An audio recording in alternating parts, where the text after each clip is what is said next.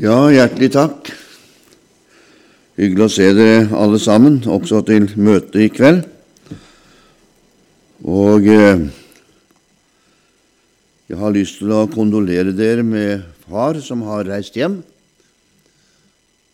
Han var vel den siste, eldste i menigheten, vel, og han fikk et langt, langt liv. Men eh, nå har han eh, så vidt begynt på det lengste livet, som ikke tar slutt. Det er godt at vi har en, eh, et sted å flytte til. Og som jeg pleier å si så mange ganger, det er så herlig når vi kjenner adressa til den som flytter. For da vet vi hvor de er, og kan få tak i dem igjen. Så bare pass på at vi får den samme adressa. Så møtes vi igjen på den andre siden. Blir en herlig dag. Jeg, jeg sa det her om dagen, vi satt og pratet om det. Det må bli en herlig dag da vi skal få lov til å forvandles og komme hjem til Jesus og bli det vi allerede er her på jorden. Da skal vi bli det for alvor, det vi allerede har opplevet her på jorda. Det blir en underbar dag. Det blir i hvert fall ikke noe minus, det blir et pluss. Så vi har noe å se fram til. Men i mellomtida så får vi lov til å være her på jorda sammen med Jesus og sammen med hverandre. Bare det er en velsignelse. Til og med Paulus sier at da han møtte brødrene og møtte vennene, så gledet han seg. Han styrket, ble styrket. Og sånn har Gud gjort det under vandringen mot himmelen. At vi kan få lov til å glede oss over å møte hverandre og styrke hverandre på denne måten. I kveld så hadde jeg tenkt at vi skal gå inn og se på noe som vi har som en forrett som kristne mennesker. En forrett som eh, ikke-kristne egentlig har, men kunne ha hatt hvis de hadde vilt. Og Den finner vi i Matteus evangelium, det sjette kapitlet. Eh, det er nok eh, en del av Skriften som du kanskje har lest mange ganger. Du har kanskje pugget den utenat også. Og Vi skal se litt på den bønnen som Herren lærte sine disipler, men som Han har også lært oss gjennom Skriftene. Vi kalte den alt som overskrift, så kalte vi den for Fader vår. Jeg husker jeg brukte den bønnen veldig mange ganger, særlig når jeg var blant eldre mennesker på sykehjem og rundt omkring så visste jeg det at eh, den bønnen, den hadde de lært, de fleste. For i gamle dager så måtte de lære den bønnen på skolen. I religionsundervisningen så var den bønnen fremtredende. Og eh, mange ganger så brukte jeg den bønnen som en frelsesbønn ved flere anledninger. I den bønnen så deler han den opp i tre avdelinger, Jesus. For Gud har omsorg ikke bare for det åndelige mennesket, men han har omsorg også for hele mennesket, for ånden og for sjelen og for legemet. Og I denne bønnen Fader vår så ligger hele omsorgen som Gud har omsorg for når det gjelder hele mennesket. Det er det som er så godt. Og denne bønnen den eh, grep disiplene og den bønnen har grepet så mange mennesker før oss, og griper også oss. Og eh, det måtte ha vært eh, disiplenes ønske, ser det ut til, at de ville gjerne ligne Jesus når han ba til sin far i himmelen. Du vet at eh, barna våre, de tar etter oss jeg husker når jeg var liten, så lekte vi møter. Og eh, vi lekte hjemme i stuen og på kjøkkenet. Da var det noen som sang, og så var det noen som prekte. og så var det alltid den synde som omvendte seg til Jesus. Det var det faste ritualet.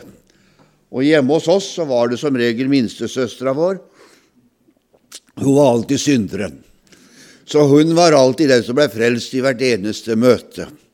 Og vi var takknemlige hver eneste gang. Og jeg var den som skulle holde talen, og søstera mi, den eldste, hun hadde alltid den som skulle da synge. Vi lærte dette fordi at vi vokste opp i det. Og igjen så lærte vi våre barn på samme måte, for de så hvordan vi gjorde det, og så lærte vi dem også på samme måte. Og slik var det også med Jesu disipler. De gikk sammen med Jesus, og så lærte de av Jesus. Og de blei nok veldig fascinert av Jesus' bønn til sin far i himmelen. Det var ikke en fremmed bønn eller fremmed person han ba til, men det var en person som han hadde fellesskap med. Og slik er det med deg og meg også. Når vi ber til Gud i himmelen, ber til Jesus, så er det ikke en fremmed person som vi ikke vi kjenner, men det er en som vi har fellesskap med. Det er en som vi har samfunn med, ikke bare i kjødet, men vi har samfunn med en i ånden. Hele mennesket har samfunn med Jesus, til ånd, sjel og lege. Det er det som er så velsignet godt. Og eh, Jesus han eh, avslår ikke når disiplene spør kan ikke du lære oss å be. Da tar Jesus og underviser dem hvorledes det egentlig skal be. Og eh, han sier at vi skal gå inn i lønnkammeret vårt. Og jeg måtte se litt hva egentlig lønnkammeret betydde. Og lønnkammeret, det var egentlig et lagerrom, sier forklarelsen til Bibelen. Det var et lagerrom. Og det er som eh, Gud sier, gå inn i lagerrommet og hent det som ligger lagret der inne.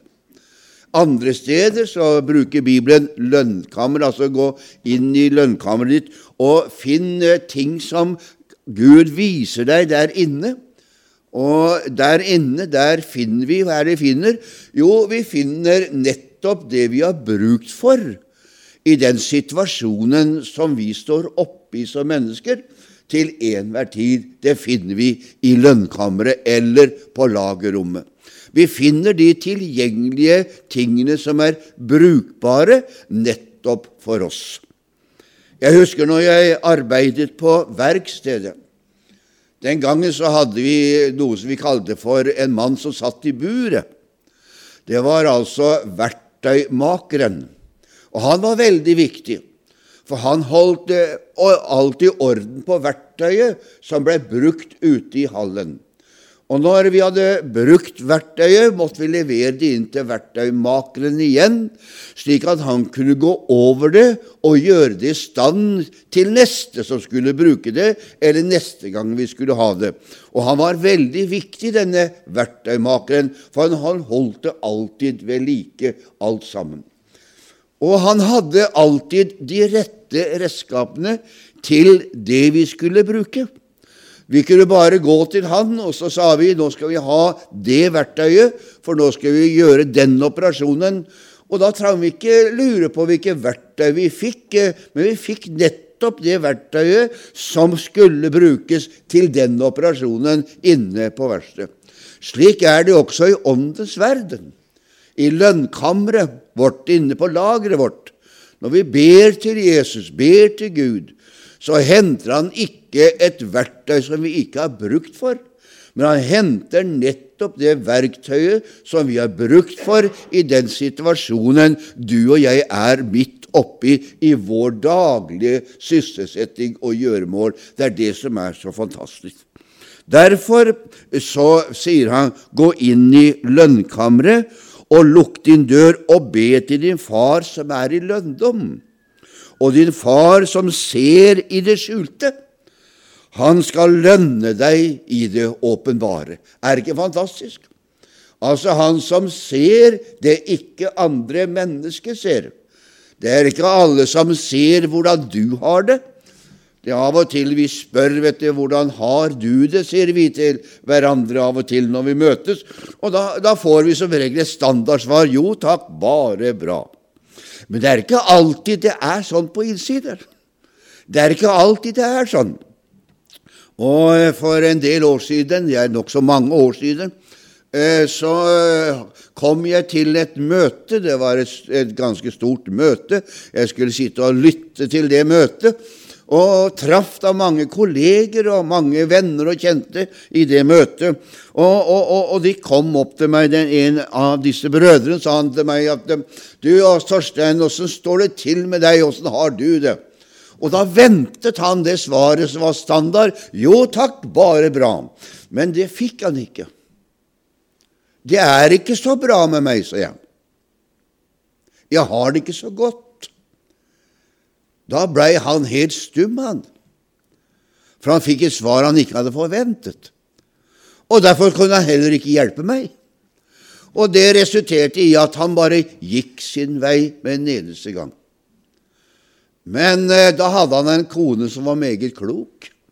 Av og til så er konene våre kanskje litt mer kloke av og til når det gjelder sånne ting, for dem ser kanskje litt mer enn vi mannfolk av og til ser. Og hun så litt lenger, så hun sa bare til meg Hun stoppet igjen sa hun, 'Du, Torstein', sa hun. 'Ja, du og jeg, vi går en tur', sa hun. 'Og så spiser vi sammen', sa hun. Og den dagen var det hun som hjalp meg. Den dagen fikk jeg snakke med henne om det som lå på mitt hjerte og som var tungt og vanskelig. Og jeg gikk ifra det møtet ikke oppløftet gjennom forkynnelsen, men oppløftet gjennom det at jeg fikk bare samtale med dette mennesket denne dagen. Slik er også Gud. Han vil at vi skal samtale med Han om det som ligger oss på hjertet. Og vi trenger ikke gå til Gud og si at jo takk, det står bare bra til Gud. Nei da, vi kan komme med det som ligger på hjertets dyp, med alt det det innebærer, og så har han det rette verktøyet som kan hjelpe oss i vår situasjon. Og Derfor så sier han det på denne måten Jeg som ser det der, som ingen andre ser, jeg kan gjøre noe med det. Og så kan jeg åpenbare dette på en slik måte at det blir til velsignelse. Kanskje det er derfor Bibelen sier det på denne måten, at, at eh, det bitre ble meg til fred. Det kan hende at eh, Bibelen taler litt annerledes noen ganger at det som ser umulig ut for mennesker noen gang, hvordan skal vi løse dette? Det løser Herren på en forunderlig måte, for han er slik. Han er løseren også på dette området. Jesu bønneliv, sa jeg, må ha inspirert disiplene. Når jeg var liten så, og bodde hjemme, hørte jeg alltid mor om kvelden ba til Gud. Det var sånn i det huset vårt at det var veldig lytt mellom første og annen etasje. Det var vel ikke så mye isolasjon mellom disse etasjene. Og det gjorde at når hun eh, var nede i stua si, dagligstua si, om kvelden etter vi hadde lagt oss, så hørte vi mor, for hun var ikke alltid like lavmælt, mor når hun var aleine. Hun kunne være litt høymælt og ba til Gud. Og så hørte vi, og vi sovnet i den duren mens hun ba til Gud. Og vi hørte noen ganger så gråt hun og ba til Gud. Noen ganger så jublet hun og ba til Gud. Og det inspirerte oss også til å be til Gud på denne måten. Og disiplene måtte ha sikkert hatt blitt inspirert av Jesus på den måten han ba til Gud. For han ba ikke til Gud slik som fariseerne ba, for dem også ba til Gud. Men han ba på samme måten. Fariseerne som regel var ikke det personlige, det var mer loviske deres bønner. Og du vet, loviske bønner er ikke noe særlig bønner. Det må være noe personlig hvis det skal bli noe greie på det. Og Jesus hadde det personlige forhold til sin Gud i himmelen, sin Far i himmelen, så det ble et personlig forhold mellom han og Gud når de ba på denne måten.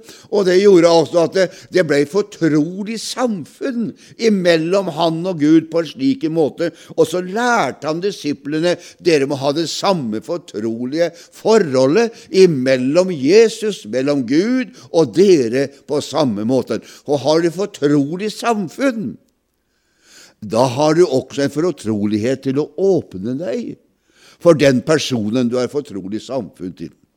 Du åpner deg ikke for alle mennesker. Men har du et menneske eller noe som du har fortrolighet til, så åpner du hjertedøra di, og så forteller du hvordan det står til med deg. Slik var Jesu bønneliv som disiplene ønsket å ha sammen med Jesus. Fariseerne de hadde et underlig bønneliv. De hadde et selvopptatt bønneliv. Det dreide seg stort sett om meg, mitt og mine. De hadde ikke særlig bønneliv for andre, men det var meg, mitt og mine. De brydde seg ikke så veldig mye om synderne. Brydde seg ikke så veldig mye om. Så når de ba til Gud, så var det hele tiden dette at eh, du ser, Gud, hvor rettferdig jeg er. Du ser at jeg holder dine bud og dine lover og regler. Du ser hvordan jeg ter meg i hverdagen, og hvordan jeg er hele tiden. Jeg er egentlig uklandret innenfor deg, Gud. Så altså, Gud, jeg er den perfekte, og derfor så ber jeg om at du må gi meg det bønnesvarene jeg vil. Men slik eh, var ikke synderen. Og derfor tar Jesus et bilde når han forteller oss litt om dette. Han forteller oss om fariseerens bønn, og forteller om, om synderens bønn. Og synderens bønn var helt annerledes. For han, han, sier det på denne måten. Han, han sto langt borte, sa han, Gud, kan ikke du være meg synder nådig? Altså, vi får bønnesvar på grunn av Guds nåde. Er det ikke fantastisk? Det garanterer for at du og jeg kommer til å få bønnesvar. Det garanterer at Gud garanterer oss bønnesvar. For at bønnesvaret kommer ikke fordi at jeg ber så fantastisk, men på grunn av Hans grenseløse nåde imot oss som mennesker, og deg og meg personlig, så gir Han oss bønnesvar på denne måten. Vi har altså adgang da til Faderen. Det er vel Romebrevets kapittel 5 vel som sier det, at vi har adgang like inn til Faderens trone. Og har vi adgang inn til Faderens trone, så er det på grunn av en eller annen ting som har gjort det for oss. Vi får ikke adgang inn til Gud på hvilke som helst premisser, men vi får adgang inn til Gud på grunn av Jesu blod. Er ikke fantastisk? Altså på grunn av Jesu forsoning, for Jesu kraft, som han gjorde på Golgata kors, da har jeg adgang inn til Faderens trone. Det er helt fantastisk. Og Derfor så bruker Hebrebre hebreerbrevet forfatter han eh, sier det på denne måten når han eh, skal oppsummere noe i hebreerne. Så sier han at La oss Tre frem, sier han. Jeg synes det er så flott setning. La oss tre frem. Og hvem skal tre frem? For nådens trone. Altså ikke dommens trone, ikke prøvens trone, men nådens trone. Og når vi kommer fram for nådens trone, da, da sier han at det, da skal vi få miskunn. Halleluja. Er, jeg jeg syns det er fenomenalt. Altså, miskunn det, det, har vel en betydning av at det er nok noe jeg kan sette fingeren på hvis jeg hadde lyst. Men jeg gjør det ikke allikevel, for du har fått miskunn. Og det er et fantastisk eh, privilegium å vite at eh, når jeg kommer framfor nådens trone, så har jeg allerede fått miskunn på forhånd. Så Derfor så får jeg miskunn, og der skal jeg finne nåde til hjelp i den rette tiden. Halleluja. Det er fantastisk. Altså, så sender Gud bønnesvaret tilbake til oss, ikke i tid og utide, men i den rette tiden. Altså i den tiden da vi trenger det. Da vi trenger det. Da det er nødvendig for oss å få det. Da sender han tilbake bønnesvaret til deg og meg, slik at det kan hjelpe oss i den situasjonen og forløse den situasjonen vi står midt oppi. Det er det som er fantastisk. Jeg, jeg sa det til mine venner i går, at, det, at jeg er her i dag. Det er et bønnesvar, sa jeg. For egentlig så trodde jeg det på torsdagskvelden at jeg måtte ringt og belt avbud. For plutselig så blir kona mi syk. Vi sitter i en begravelse. Vi, vi fulgte en eh, gammel venn av oss som, eh, som eh, Herren hadde tatt hjem. og Vi satt i kapellet og, og, og, satt der, og den første sangen hadde begynt. Så sier Tore til meg plutselig at du, pappa sa vi må gå, sa hun, for jeg er ikke bra, sa hun. Ja, hva er det nå, da? sa jeg. Jeg, jeg er svimmel, sa hun. Og jeg har ikke følelse i den venstre side, så. Så vi må gå, sa hun. Ja vel, sa jeg, og så satt vi enda fem minutter til. Og så sier hun, du pappa, vi er nødt til å gå. Nå ser jeg dobbelt, sa hun. Nå kan jeg ikke være her lenger, sa Ja, og så fikk jeg henne med meg ut, og, og rett inn på sykehuset bar det med Toril. Og når jeg sitter der, så tenker jeg da nå er den helgen spolert. Jeg tenkte sånn. Jeg tenkte sånn Nå er helgen spolert. Ikke sånn at eh, det var spolert, men nå kan jeg ikke reise. Og så begynte jeg å be. Kjære Gud, nå må du gjøre et under her. Nå må, du, nå må du gjøre det sånn at jeg kan få reise allikevel. Nå må du gjøre et under. Og jeg satt på sykehuset med henne hele torsdags eh, ettermiddagen og utover. Og jeg spurte legen flere ganger åssen det går. Jo, det går veldig bra, dette, sa legen. Vi, vi, har funnet ut hva det er nå, sa Så det går veldig bra, dette her. Og fikk noen medisiner. Og så så jeg plutselig ut på etterkvelden, som er fem-seks, så kvikna hun til igjen. Og så blei hun sånn som hun Toril er. Så kvikna hun til igjen. Så skjønte med en gang Nå, det går bra. Så spør jeg òg. Du, mamma, sier tror du jeg kan reise i morgen, sa jeg. Å ja, da sa du kan reise. Bare reis, du sa. For selv om jeg er her på sykehuset, eller jeg kommer hjem igjen, så spiller ingen rolle. sa For at bare reis, du sa, og, og gjør det du skal, sa Ja da, det er greit, det, sa Så reiste jeg på fredag morgen. Og på fredags ettermiddagen så kom hun hjem igjen. Og da er jeg så heldig, for jeg har ei datter som skulle ta hånd om henne, og, og, og, ei dame til som skulle, søstera hennes skulle ta hånd om så det var ikke noe problem med dette. Men da snudde det min nese i gang, og da fant det feilet. Det var blodpropp som gjorde det denne gangen, som stoppa. Og så klarte jeg bare å løse den. Og Nå har jeg ringt i hele dag og hørt oss nå, og jeg hører det på stemma med Jeg kjenner henne etter så mange år, så jeg hørte på stemma med en gang hvordan situasjonen var fordi at vi kjenner hverandre. Slik er også Gud.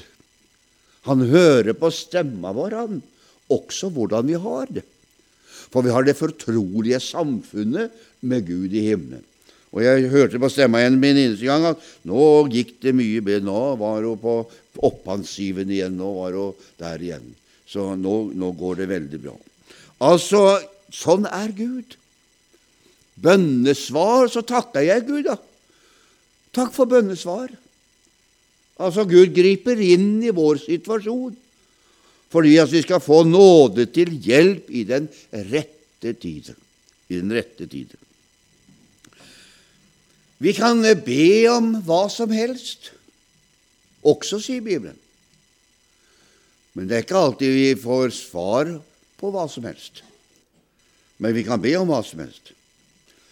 Paulus, når han skriver til menigheten i Filippi, så skriver han veldig mye godt av hilsninger. Men han eh, sier det på, den, i det fjerde kapittel, vers 6 og 7, som du kjenner så godt vet du når du leser. Vær ikke bekymret, sier han.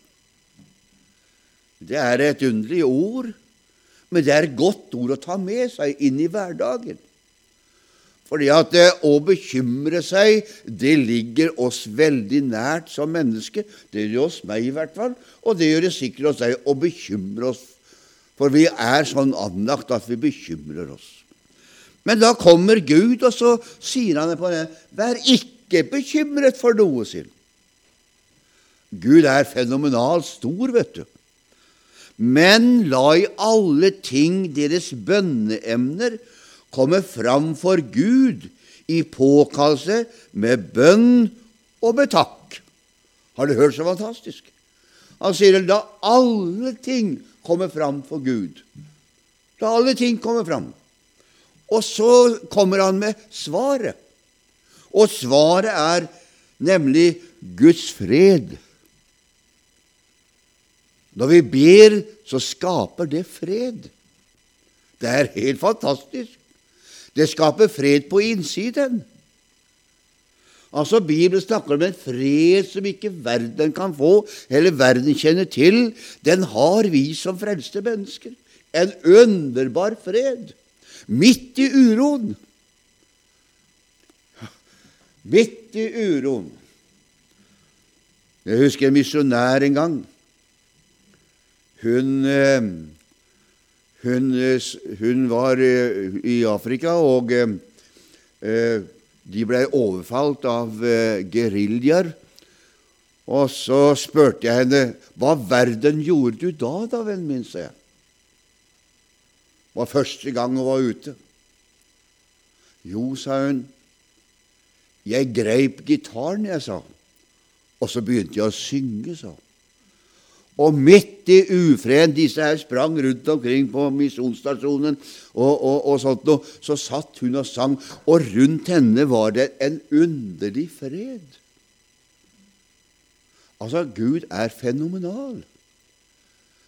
Den skaper en fred, og Guds fred som overgår all forstand, sier Bibelen, skal bevare våre hjerter i Kristus Jesus.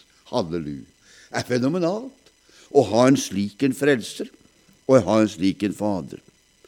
Og Derfor så begynner Jesus også opp at det, det, er ikke nødvendig å ramse opp så veldig mange ting innenfor Gud, sier han. Det er ikke så nødvendig. Og hvorfor er ikke det så nødvendig? Nei, for de skjønner, Gud vet hva vi trenger til hver en tid. Eh, så vi trenger ikke minne eller, eller, fortelle Gud om hvor vår situasjon, selv om Han vil at vi skal gjøre det. Og hvorfor vil Han at vi skal fortelle ham? Han vil at vi skal ta del i den glede. Det er å oppleve et bønnesvar ifra Gud. Du vet, Hvis han hadde bare gitt oss det uten at vi hadde bedt om det, at eh, 'nå skal jeg passe på der, og skal jeg passe på der', da hadde det ikke blitt noe glede ut av det. Men når vi ber Han om hjelp, og Han kommer med hjelp til oss, da gleder vår ånd seg. Vår sjel, den fryder seg. Og hele mennesket er i gledesrus. Og så takker vi Gud. Tenk at du hørte også mine bønner. Og så kjenner vi gleden i Herren blir en fantastisk styrke for oss. Så begynner Jesus at slik skal dere be. Fader vår, du som er i himmelen. Fenomenal setning. Den forteller oss litt hvem som er min far, og hvem jeg henvender meg til. Det er ikke hvilken som helst person. Men det er han som eier himmelen og jorden, og som er skaper av alle ting. Og jeg proklamerer i den bønnen at Han er min far. Jeg proklamerer i den bønnen. Du er min far. Det betyr at det er Han som har gjenfødt meg, men også født meg. Det er Han som har skapt meg. Men det er Han som har gjenfødt meg også, til et levende håp, så jeg har denne farsforbindelsen med den levende Gud, og er like levende i min ånd som Han er levende i den himmelske verden. Er ikke fantastisk? Det er Han jeg henvender meg til, og det er Han jeg ber til, for Han er min far. Og så sier han at eh, du komme ditt rike. Han sier hellige vorde ditt navn, begynner med neste setning. Gud, du som er hellig, hjelp meg til også å være hellig. Jesus, eh, du vet I Gamle testamentet så sa Gud til eh, Israels folke dere skal være hellige, dere, sa han, fordi at jeg er hellig. Dere skal være hellige fordi at landet er hellig. Altså, Gud var hellig, landet var hellig, og Israel var hellig. Slik er det også med oss. Når vi har vår Far i himmelen, så er vi også hellige. Vi er hellige på grunn av at Gud er hellig. Og det landet vi har flyttet inn i, Kanas land, det åndelige landet, er også hellig.